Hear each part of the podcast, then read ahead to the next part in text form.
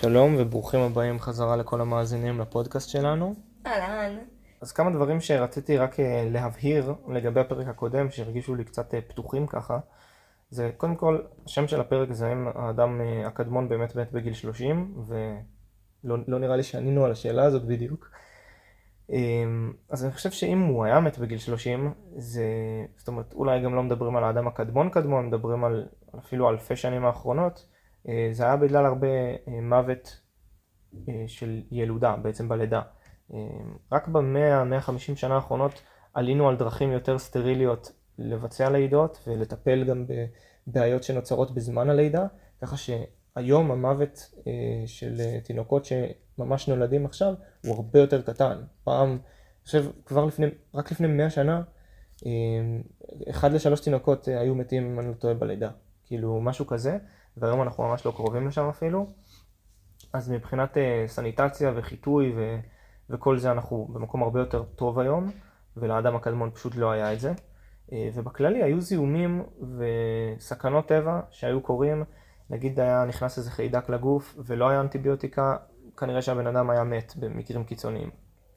דיברנו על זה שהאדם היה מטפס על עץ ונופל, נפצע קשה וכנראה מת אחר כך. Uh, כל דבר קטן היה מאוד מאוד מסוכן. וגרם לאדם הקדמון למות, אבל uh, הבעיה שלנו זה שהיום אנחנו סובלים ממחלות מטאבוליות ולא מחלות זיהומיות. זה, זיהומי זה חלק מאוד קטן היום מהסבל ומהמוות ומהבעיות, כמו שהמטאבולי. ומטאבולי זה סרטן uh, הרבה פעמים, וזה מחלות לב וכלי דם, וזה סוכרת, וזה שבץ ומחלות שכאלה, ואני באמת לא חושב ש... זאת אומרת, פעם הכמות של הדברים האלה הייתה הרבה יותר קטנה, אם בכלל קיימת בתקופת האדם הקדמון, ועל הדברים האלה אנחנו מדברים. נקודה שנייה שרציתי להבהיר מהפודקאסט הקודם, ולא דיברתי עליה, זה שאפשר להסתכל היום עדיין על שבטים אה, בעצם שחיים בעולם המודרני של היום, אבל חיים עדיין בטבע בצורה ילידית כזאת אפשר להגיד. חלק מהשבטים אה, יש להם עדר עיזים, כמו שבט המסאי, אז כאילו זה לא כל כך פייר, זה לא היה פעם. אה, זה לא היה פעם לפני עשרות אלפי ומאות אלפי שנים, אבל כן עדיין יש שבטים כמו שבט האדזה בטנזניה, שהם עדיין קבוצה לדעתי של אולי 400 אנשים, שעדיין צדים ומלקטים, ואין להם, הם נוודים לגמרי, אין להם שום אדמות שהם אה, מגדלים עליהם שדות של חיטה, אין להם עדרים של פרות או עיזים, ופשוט צריכים לצוד את האוכל שלהם וללקט את האוכל שלהם, ואולי הממוצע שם הוא באמת נמוך יותר מהעולם המערבי, אולי הממוצע תוחלת חיים שם הוא 50 או 55, אבל אם רגע מורידים את הילודה, את המוות בילודה שם, ובכללים מילדים, ו... זאת אומרת, אם עברת את גיל ההתבגרות, אה, ואתה כבר בן 18-20, הסיכוי שתגיע לגיל 80 שם הוא מאוד מאוד גבוה. אנשים חיים שם ממש כמו, כמו בעולם המערבי עד גיל 80 ו-90, וגם חיים טוב, מהמובן שפשוט אין להם מחלות, הם לא שמעו על המחלות המטבוליות האלה שלנו. לא שמעו על זה ואין להם מושג על זה, אה, אבל אני לא חושב שזה גם תלוש להגיד. שסביר שגם זה היה ככה פעם. זאת אומרת, זו הנחה שאני מניח, אה, שהיא ממש לא בטוח נכונה, אבל אני חושב שאנשים היו יכולים לחיות בעבר עד גיל 80, 90 ו-100, כל עוד הם לא נטרפו על ידי אריה או מתו בילדות. אה, זה ככה עוד משהו שרציתי לדבר עליו. ונקודה שלישית שרציתי רק להבהיר, שלישית ואחרונה לפני שנצלול לפודקאסט של היום, זה על הקמח שמן וסוכר שדיברתי עליו. אה, אז אני רוצה רק להבהיר שמזונות שמכילים בעיקר קמח שמן וסוכר, זה מזונות שאני קורא להם אה, קלוריות ריקות. כי בדרך כלל במזונות האלה אין לנו באמת ערכים תזונתיים משמעותיים. בשמן אה, קנולה או שמן חמניות שמוסיפים למזון וסוכר לבן, אין שום דבר שבאמת אנחנו צריכים ו- ויועיל לנו יותר מדי בגוף חוץ מקלוריות, אבל זה לא מגיע עם עוד ויטמינים ומינרלים וערכים אחרים. וקמח, אם הוא מלא, הוא יכול להגיע עם ערכים מסוימים, אבל גם לא בכמות שאנחנו צריכים, וגם בתהליכים של החימום וכל התהליכי עיבוד שעושים למוצרים האלה, בסוף הרבה מזה הולך לפח, ונוצר מצב שיש לי קרקר, קרקר של איזה חברה, של נגיד נסטלה או משהו, שהוא פשוט 100% קמח, שמן וסוכר, אין בו ערכים, אם אני עכשיו אוכל ממנו אלף קלוריות, זה אלף קלוריות במקום משהו מזין שיכלתי לאכול, משהו שהיה מספק לי גם ויטמינים ומינרלים. ואלף קלוריות האלה פשוט over time יוצרות לי חסר אה, של מיקרונוטריאנטים בגוף. מקרונוטריאנטים אני מקבל מספיק. אני מקבל מספיק קלוריות, אולי אני אפילו משמין, אבל אין לי מספיק ויטמינים ומינרלים, ומה החברות האלה אה, עושות, בעצם הם עלו על זה שזה קורה, אז הן מוסיפות. הן מוסיפות איסוף למזון שלהם, ל... זאת אומרת אפשר להסתכל על זה בקורנפלקסים, כתוב מכיל דגנים מלאים בהתחייבות, ואז רואים ברכיבים שמן, צמחי, ורואים ברכיבים סוכר, ורואים ויטמין B12, ברזל, חומצה פולית, אה, ויטמין C, מוסיפים את כל הדברים האלה למזונות כי הם מבינים שאין במזונות האלה כלום. ונכון להיום הראיות הן לא כל כך בעד uh, התיסופים האלה, זאת אומרת לא בהכרח שזה שהוסיפו מלא ברזל ומלא B12 ומלא ויטמין D לאיזה מוצר, לאיזה קרקר, לאיזה קורנפלקס, לא בהכרח שזה נספג לי בגוף כמו שזה צריך להיספג, להיספג ולהפך גם לפעמים הדברים האלה יכולים לעשות נזק. להיות רעילים. להיות רעילים כמו ברזל, ברזל מאוד יכול uh, להוות נזקים לגוף כשהוא מגיע בצורה שהוא, שהוא לא נספג או שהוא כן נספג יותר מדי, גם יכול להוות נזק. אמ, אז זהו, זה הנקודות בעצם שרציתי רק ככה לדבר עליהן קצת מהפודקאסט הקודם, ובואו נצלול בעצם לנושא החדש, נדבר היום על, אה, על חופשה ועל חגים ועל מה לאכול. אז אנחנו בפתחה של תקופת החגים, וכמו חלק ניכר ממדינת ישראל, גם אה, דן ואני טסים לחו"ל. אנחנו מחר טסים אה, לפורטוגל לשבועיים. ומעניין אותי לשאול אותך, דן, איך, איך שומרים על אה, תזונה נורמלית בחופשה? מה זה תזונה נורמלית בחופשה? לכל אדם יש בעצם הגדרה אחרת של מה זה גם התזונה הנורמלית שלו בחיי, בחיי היום-יום שלו. ואני חושב שרוב האנשים מתבלבלים אה, עם זה שהם כאילו בחיי, בחיי היום-יום שלהם נלחמים ונלחצים וצריכים כאילו לשמור על איזה משהו ולא יכולים להתפנק כמו שהם רוצים. צריכים להגביל את כמות הפעמים שהם יוצאים למסעדות או משהו כזה, אה, בשביל הבריאות שלהם, או בשביל לרדת במשקל, או מה, ש... מה שהם רוצים. ואז כאילו הם אומרים, טוב, אני יוצא לחופשה, אז אני אתפרע. נכון? גם, גם, גם אנשים אחרים, כאילו, אה, משפיענים כאלה, הם אומרים בתכלס, כן, לכו תעשו את זה. אתם עושים חופשה של כמה ימים, שבוע, אפילו שבועיים. כאילו, לכו, לכו תעשו מה שאתם רוצים. תרשו אתם... לעצמכם. זהו. ו... יש אמת, יש אמת, אולי בפן המנטלי גם הפסיכולוגי בהצעה הזאת של כאילו לכו תעשו מה שאתם רוצים, אבל כאילו תעשו מה שאתם רוצים הזה, למה זה לא יכול להיות ככה כל יום? כאילו זה, זה מאוד מדכא אותי לחשוב על זה, שאנחנו צריכים אה, מתוך 365 ימים בשנה, שאנחנו עושים חופשה אולי שבועיים, כן, האדם הממוצע אולי עושה שבוע, אולי שבועיים, אולי שלושה שבועות בשנה חופשה, אז הוא צריך כאילו 350-340 ימים כאילו לסבול, כאילו להתאפק, כאילו לעצור את עצמו, לא לחיות, במרכאות, לא, לא לחיות כמו שהוא רוצה, ואז יש לו שבועיים שהוא יכול, אז מה, אני חי כאילו 50 שבועות בשביל, חרא בשביל לחיות אה, שבועיים כמו שצריך. אני חושב שצריך למצוא דרך איך כאילו חיים את, את שאר החיים בתזונה שהיא נורמלית, תזונה שהיא כיפית לנו, ככה שאני בכלל לא מרגיש את הצורך לדבר על להתפרק בחופשה. אין, אין את המושג הזה ב, ב, בשיח בכלל, אין, אנשים לא, לא צריכים להגיד, אני אלך לעשות מה שאני רוצה, אבל מה זאת אומרת? תעשה מה שאתה רוצה כבר ביום יום. הבעיה אם אתה תעשה מה שאתה רוצה ביום יום, זה שלאנשים אין כלים, אין מודעות, ו... ויש אולי מיסאינפורמציה לגבי מה צריך לעשות, ככה שזה פשוט מאוד מקשה לאנשים על, ה... על היום-יום מבחינה תזונתית. כן, אז, אמ, אז תכלס מה שאני חושב זה שככל, כאילו אם לוקחים כזה כלל אצבע גדול, ככל שאדם דואג יותר לבריאות שלו, בחיי היום-יום, אתה מתכוון. כן, בחיי היום-יום. החופשה כאילו זה באמת זניח. בואי, אם מישהו באמת אה, משקיע בעצמו רוב השנה, כאילו 50 שבועות ואז שבועיים, לא יודע מה עושה, תכלס מה שהוא רוצה, זה, הוא יהיה בריא, הוא יהיה אדם סך הכל בריא. אבל שוב, מבחינה מנטלית ופסיכולוגית, אני לא חושב שזה הדבר הנכון להסתכל על זה ככה. אני חושב שאנחנו צריכים למצוא דרך שבכל השנה אנחנו עושים מה שבא לנו. כאילו, אני מרגיש שאני עושה מה שבא לי. אני מרגיש שאני עושה מה שבא לי, אני אוכל בכל יום מה שבא לי. אני אוכל דברים שהם טעימים לי. אני אוכל כמה שאני רוצה, מבחינת כמות. ואני אוכל עד סובה. לפעמים אני קצת רעב אז אני הולך לאכול. אני לא כאילו מחשב ואומר לא, אבל אכלתי לפני שלוש שעות 560 אה, קלוריות, אז לא נשאר לי, אז אני... אני לא מחשב, כאילו, אה, שוב, זה, זה הכל תלוי באיך אתה רוצה לחיות את החיים, זה כאילו פשוט ההסתכלות שלי. ההסתכלות שלי זה שאנחנו... יכולים להגיע לאיזשהו איזון, איזון בגוף שלנו, איזון במשקל, איזון באיך שאנחנו נראים מבחינת כמות אה, מסת שריר לעומת שומן, שבה הגוף שלנו מאוזן והוא מרגיש טוב, והוא מאותת לנו רעב לפעמים, ולפעמים הוא מאותת לנו סובה, ואנחנו צריכים להקשיב לזה. פשוט אצל רוב האנשים זה כל כך משובש ולא עובד. שוב, בדל עקרונות, אה, לא טובים. אז כאילו, מה שאני חושב שעוזר לי לעשות את זה ולשמור על, ה, אה, על האיזון הזה, זה שאני אוכל ביום יום אה, באמת מה שאני רוצה, ואז אין לי בינג'ים. אין לי כאילו פתאום ב-10 בלילה שאני קצת רעב, ואני אומר יואו, כל היום או כל השבוע שמרתי והתאפקתי, אז בוא עכשיו נלך לפרק. אני מפרק דברים כאילו טעימים כל יום. אני אוכל, אה, רואים את זה באינסטגרם שלי בסטורי, אני אוכל בשר, שאני, לאנשים זה נשמע מוזר, אני שם עליו דבש, אבל כאילו, כל האנשים שאמרו לי שזה מוזר להם, ואמרו לי, עזוב, אני את הפחמימות שלי אוכל מאורז. אמרתי, סבבה, כאילו אורז, אבל בוא תנסה רגע, כאילו, תנסה בשר עם דבש, מה אכפת לך? לא, זה נשמע חרא, לא, זה טעים. ו- ואנשים שניסו את זה באמת חזרו אליי ואמרו לי שזה טעים בצורה מפתיעה. למה שזה לא יהיה טעים? בשר אדום זה טעים, בשר טחון, דבש זה טעים.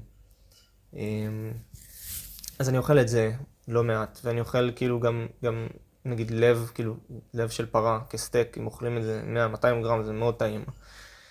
אה, אני מבשל את האוכל שלי בחמאה, שזה טעים. אני מבשל את הביצי עין שלי בחמאה. אגב, כאילו, עברתי לפני איזה שנה לאכול ביצי חופש מביצים רגילות של סופר, אני אוכל ביצים שהן אה, בגדול אמורות להיות יותר טובות, כי אה, בעצם התרנגולות שהטילו אותן חיו במקומות יותר חופשיים, וזה פחות העניין של החופש גם, אבל כמו העניין שהם יכלו למצוא להם חרקים ולאכול אותם. וכשתרנגולות גדלות בלול, אה, ומאכילים אותם רק תירס, אז זה כל התזונה שלהם. הם גם בתוך לול, אולי בתוך אולם כזה, הם לא נחשפות לשמש. זה מתחיל להיות בעייתי עם ויטמין D אפילו אם מתאספים אותם. ואוכלות רק תירס, או רק חיטה, או רק מה שנותנים להם. והביצה וה... שלהם פחות איכותית פשוט. המינרלים והוויטמינים שיש שם, והאיכות של החומצות שומן, זה פשוט קצת פחות איכותי, אין מה לעשות. לדעתי כאילו תרנגול הוא אוכל קול, לא, לא לדעתי, זה דבר שהוא ידוע.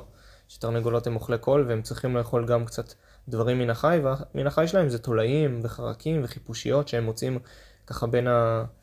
בשדה שהן אה, משוטטות שם והן אוכלות את זה. כן, אני חושבת שאנחנו באמת אה, פותחים פה סוגריים לנושא קצת אחר, אבל כשמנסים לדבר על אה, איכות של מוצרים מן החי, בין אם זה ביצים או חלב או דגים או בשר, בעיניי זה לא כל כך רלוונטי, ההבדל בין ביצה של תרנגולת שחיה לה בחופש ובאמת אכלה המון סוגים של עלים ושל חרקים, ונחשפה לשמש וקיבלה ויטמין D, אה, זה איכות אחרת לגמרי מאשר אה, של תרנגולת שחיה אה, את כל חייה בכלובי סוללה, שאני חושבת שזה גם דבר מאוד מאוד לא מוסרי מבחינת התעשייה. ואכלה רק תירס, ואולי שמן תירס או שמן סויה בנוסף.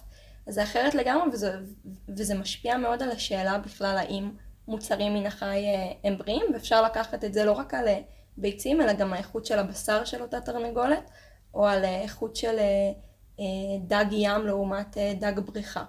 כן, אני חושב שהדברים האלה מאוד משפיעים ולא מספיק שמים עליהם את הפוקוס, אולי כי זה ניואנסים, אולי כי באמת לא שם הבעיה המרכזית, אבל אני חושב שזו בעיה שכאילו גורמת להרבה בעיות קטנות, אבל אולי נדבר על זה באמת בפרק אחר מתישהו. אז איך הגעתי לזה מלהגיד שאני אוכל ביצים, שבגלל שזה ביצי חופש, אני בטוח שזה לא פלסיבו או פסיכולוגי, זה הרבה יותר טעים. זה הרבה יותר טעים. מחזקת. גם לפעמים נגמר לי הביצים האלה ואני אוכל ביצים רגילות ואני פשוט מאוד מרגיש את זה. אני מרגישים הבדל, כאילו... גם רואים את זה על הביצה, רואים את זה על הטריות של הביצה. ביצה שהיא טריה באמת, אני לא מדבר עכשיו אפילו על הצבע של הצהוב, שהוא לא בהכרח אומר לי הרבה, הוא רק אומר לי את הכמות אה, אומגה שה... כמות ויטמין A. כמות, סליחה, לא אומגה אפילו. גם אני לא בטוח עם ויטמין A, זה הכמות קרטנואידים. כמות נכון. של, של ה... וזה עושה לה את הצבע יותר אה, כתום עמוק או צהוב אה, בהיר. שקרטנואידים זה בעצם נגזרת צמחית שממנה אפשר להמיר לגוף ויטמין A. כן, נכון, צודקת. לא מכל הקרטנואידים, אבל אם התרנגול אכל קצת גזר, או בטטה, או לא משנה, דלעת, כאילו כל דבר כזה. סביר שהוא קיבל ויטמין הרבה, A. בהרבה עלים ירוקים גם יש קרטנואידים. נכון, נכון. אמ, איך הגענו לזה? דיברנו על זה שבעצם הכל טוב, זה, זה הקטע של המחשבות. דיברנו על זה שבעצם אמ, אנחנו, הרבה פעמים אנשים הולכים לחופשה ומתפרעים, כי הם לא כל כך נהנים מהחיי יומיום שלהם או מהאוכל mm. שהם אוכלים ביומיום. כן. ושאתה שיש לך 아, כן, אה, תזונה שהיא באמת לא, היא לא שגרתית כל כך, אבל היא, היא מאוד מאוד טעימה לך וגם מספקת אותך. זהו, זה מספק באמת, כי אמרתי על הביצים שהן הרבה יותר טעימות לי, התחלתי להגיד על ביצה טריה, אז חוץ מהצבע ש... שרואים את הלבן כאילו עומד מאוד קרוב לצהוב ולא ככה נשפך על המחבת, אם זה נשפך על המחבת ומשתטח כל הלבן, אז זה ביצה כנראה שהיא פחות טריה.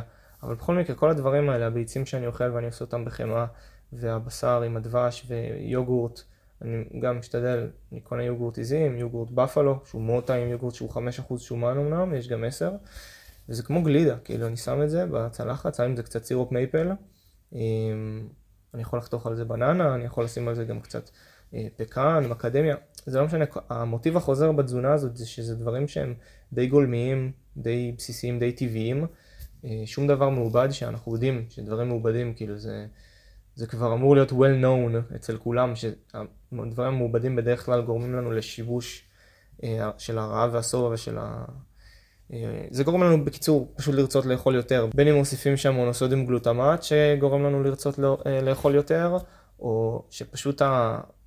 היחסים הם לא נכונים, הם לא טבעיים. חברת מזון מחליטה כמה סוכר להוסיף, לעומת כמה זה, לעומת כמה זה, ויש אשכרה אנשים שהעבודה שלהם זה לגרום לנו לאכול יותר, כאילו שהם מרוויחים על זה את המשכורת שלהם, שככה הם מפרנסים את הילדים שלהם. הם מרוויחים את ה-10, 20, 30, 40 אלף שקל שלהם בחודש, מלהבין איך דן ואיך שוהם אה, יאכלו יותר מהמוצר הזה שאנחנו עכשיו מוכרים להם, בין אם זה טאפו צ'יפס, בין אם זה עוגייה, אז זה אמור להיות כבר די ידוע שהדברים האלה משבשים את הרע והשובע, זה לא אומר שבהכרח אסור לאכול אותם, אבל אסור ורוצה זה שני דברים שונים. רוב האנשים מאוד רוצים ומרגישים שאסור להם. אני מרגיש שמותר לי, אבל אני לא רוצה. שזה בדיוק הפוך. ו- ולמה אני חושב שזה קורה? זה כי כשמקפידים על התזונה דיברנו, אבל כשמקפידים גם על שאר הדברים, על פעילות גופנית שהיא באמת אה, עקבית והיא, והיא כיפית, גם מתמידים במשהו שהוא כיף.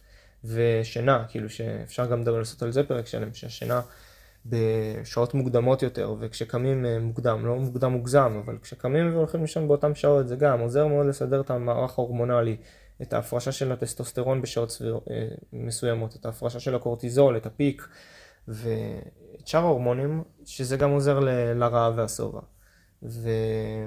וכשהכל און פוינט מבחינת שינה, מבחינת אימונים, מבחינת התזונה, אתה פשוט לא רוצה, אתה, אתה לא רוצה, אני רואה כאילו עכשיו באמת איזה משהו שיכול להיות ספוג בשמן, שרוב האנשים כאילו יטפטפו ריר עליו, פלאפל או שווארמה או אה, סתם אוכל בחוץ, אוכל מעובד, עוגיות, כאילו עוגות שיצאו מהתנור, כאילו כן, זה עושה לי ריח טוב באף, אבל אני יודע שברגע שאני אוכל את זה, אני יודע מה קורה לי בגוף, זה לא גורם לי להרגיש טוב כמו שאכלתי את הביצה שעכשיו אה, עשיתי לי על המחבת, אה, או את היוגורט ששמתי וחתכתי פירות ו, וקצת אגוזים.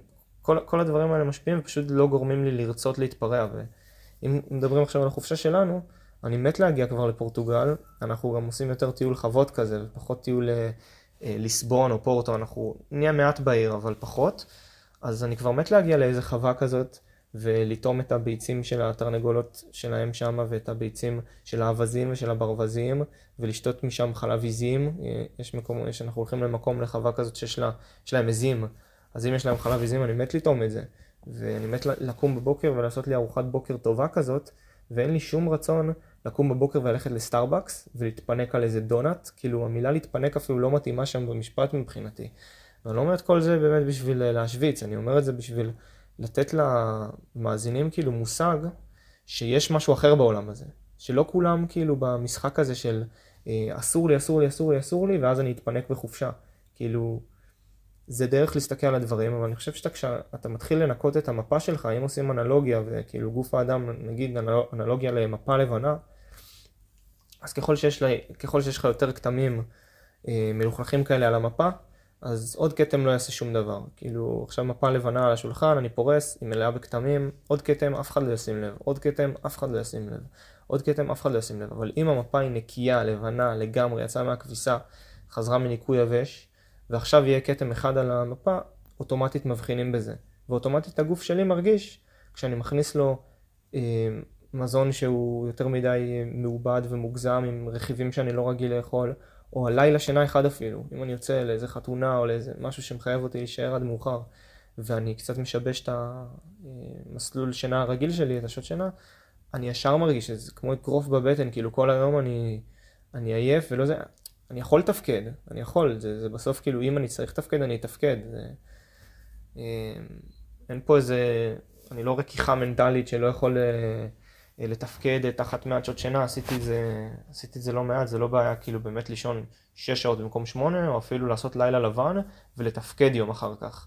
אבל פשוט כשזה מצטבר, זו השפעה מצטברת כזאת של התזונה ושל השינה, ובקיצור, הרגשה לא טובה, ואני חושב שכאילו המילה להתפרק בחופשה, להתפנק בחופשה, אני יוצא ואני לא סופר את, ה, את הערכים שלי בחופשה, כאילו, זה בסדר, אבל רק שתדעו שיש גם דרך כל השנה לחיות בצורה שמאפשרת לכם, ואתם פשוט לא, לא תרגישו את זה, לא יהיה לכם את הדחף להגיע לחופשה ולהתפרק. ממש מעניין. אני גם אה, חושבת שבחופשה אנחנו מקבלים בעצם אה, אה, יתרונות שאין לנו בחיי היום-יום. אנחנו בדרך כלל נהיה עם פחות סטרס, נהיה באזורים עם יותר טבע, מקורות מים, שמש, ונהיה הרבה הרבה יותר פעילים גופנית, המון הליכות, נרצה לראות מקומות וכאלה. והשילוב של כל האלמנטים האחרים של אורח חיים ובריאות שהם לא תזונה כאן, הם מאוד משפיעים, ואני חושבת שזה לגמרי מגניב אה, אה, להכיר תרבויות אה, חדשות, וזה אומר גם את האוכל המקומי ואוכל רחוב, אבל זה לאו דווקא חייב להיות, כמו שאמרת, דונלדס בסטארבק, זה יכול להיות גם ללכת לאיזה שוק איכרים שיש שם, ולאכול מהפירות יער או מהמנת דגל המקומית, שהיא תמיד תהיה יותר בריאה ממשהו של מסעדת מזון מהיר. ובעיניי לגמרי אפשר לקחת חופשה ואת היתרונות הגדולים של הנחת והמשפחתיות או החברים או הגילוי עצמי שחופשה מאפשרת ודווקא מתוך השבוע שבועיים חופש האלה בשנה להחליט מה אני רוצה ליישם אחר כך בחיי היומיום שלי גם כשאני בתוך השגרה של הבית בישראל. כן, אני מסכים לגמרי. אני גם חושב שבאמת כמו שאמרת, יש יותר נחת, גם בדרך כלל הולכים יותר ברגל. ונמצאים יותר בשמש ובכללי... הרבה יותר פעילים, אתה, לא, כן. אתה כנראה לא תהיה בחופשה תשע שעות ביום מול המחשב. נכון, לא מול המחשב. יש חופשות של בטן גב, ואז הם בגדול שוכבים על אה, מיטת שיזוף או משהו כזה. נמצאים בשמש, אבל, מצוין. כן, נכון, אבל עדיין הם, הם הולכים, כאילו, אנשים הולכים, אנשים עושים הרבה צעדים באמת בחופשה, וזה באמת מאפשר להם לשרוף יותר קלוריות ולאכול יותר, ווואלה, אולי זה טיפה מתקן מנגנון רב ושובע של מישהו שהוא בא כאילו עם מנגנון מאוד לא מסונכרן נקרא לזה, מישהו שכאילו תמיד רעב ל... לא יודע מה. המיינטננס שלו, הוא כמה שהוא צריך לאכול בשביל לשמור על, מש... על המשקל שלו ביום יום זה נגיד 2500, אבל כל יום הוא רעב ל-3000 קלוריות.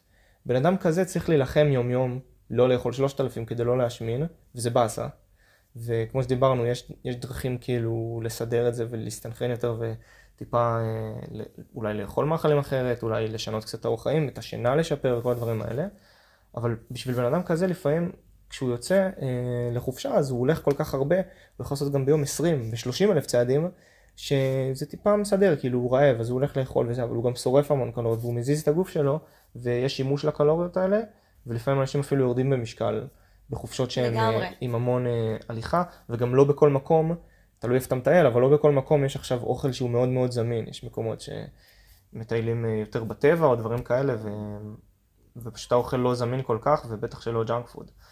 אז אה, זה תלוי במיקום שהם מטיילים בו. אמ, אז זהו, כאילו, מה, מה את חושבת שאנחנו הולכים לאכול בשבועיים האלה? אני עוד לא הייתי בפורטוגל, לא יודע מה האוכל שם. אנחנו נחכה ונראה, נראה לי נצלם תמונות לאינסטגרם שלך קצת.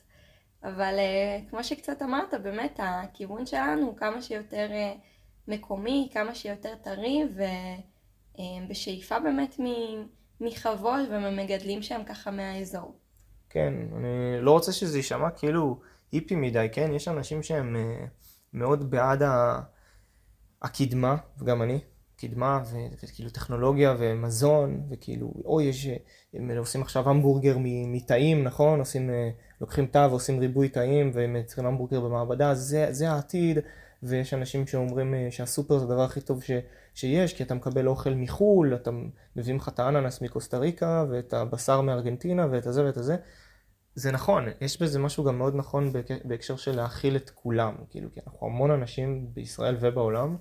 וצריך לדאוג לכולם. אבל אני חושב שאם כל אחד ינסה בעצמו לעשות צעד של לאכול באמת קצת יותר מקומי, בין אם זה כשהוא אה, עושה טיול ובין אם זה ביום יום, כן? יש בארץ חוות שמגדלות בשר, וגם בצפון חוות שמגדלות את זה בצורה די, די מוסרית, כאילו די אתית, פרות שכאילו ככה מטיילות להם ואוכלות עשב כמה שהן יכולות, כמה שהעונה מאפשרת, ושדואגים להם, ואפילו עם תקן חי בריא שזה בלי אנטיביוטיקות, והרבה אנשים אנטי לבשר כי הם שמעו שהם מחדירים לבשר אנטיביוטיקה. אמ, או הורמונים כלשהם, כאילו, עכשיו גם אם דוחפים לפרה הורמון גדילה כדי שהיא תגדל, לא בהכרח שאני אוכל את זה וזה עושה לי משהו, זה פשוט חלבון שמתפרק לי כנראה בקיבה. אני מפרק אותו לחומצות אמינו, זה לא אה, הורמון סטרואידי, זה הורמון שהוא חלבוני, אבל לא ניכנס רגע לנושא הזה, אלא רק יותר לקטע הזה של אכילה מקומית, ואני חושב שאם כל אחד ינסה לעשות אה, את הצעד אצלו, לקנות יותר ממגדלים אה, ומשווקים שהם, שהם במקום שלו, בין אם הוא גר בארץ, בין אם הוא גר בחו"ל, אז אה, זה לאט לאט יעשה שינוי לטובה. כאילו, מבחינה, אני מדבר מבחינת הסביבה ומבחינה בריאותית. אה, כן. יאללה, אז אה, נראה לי שסיימנו, ונתראה בפרק הבא.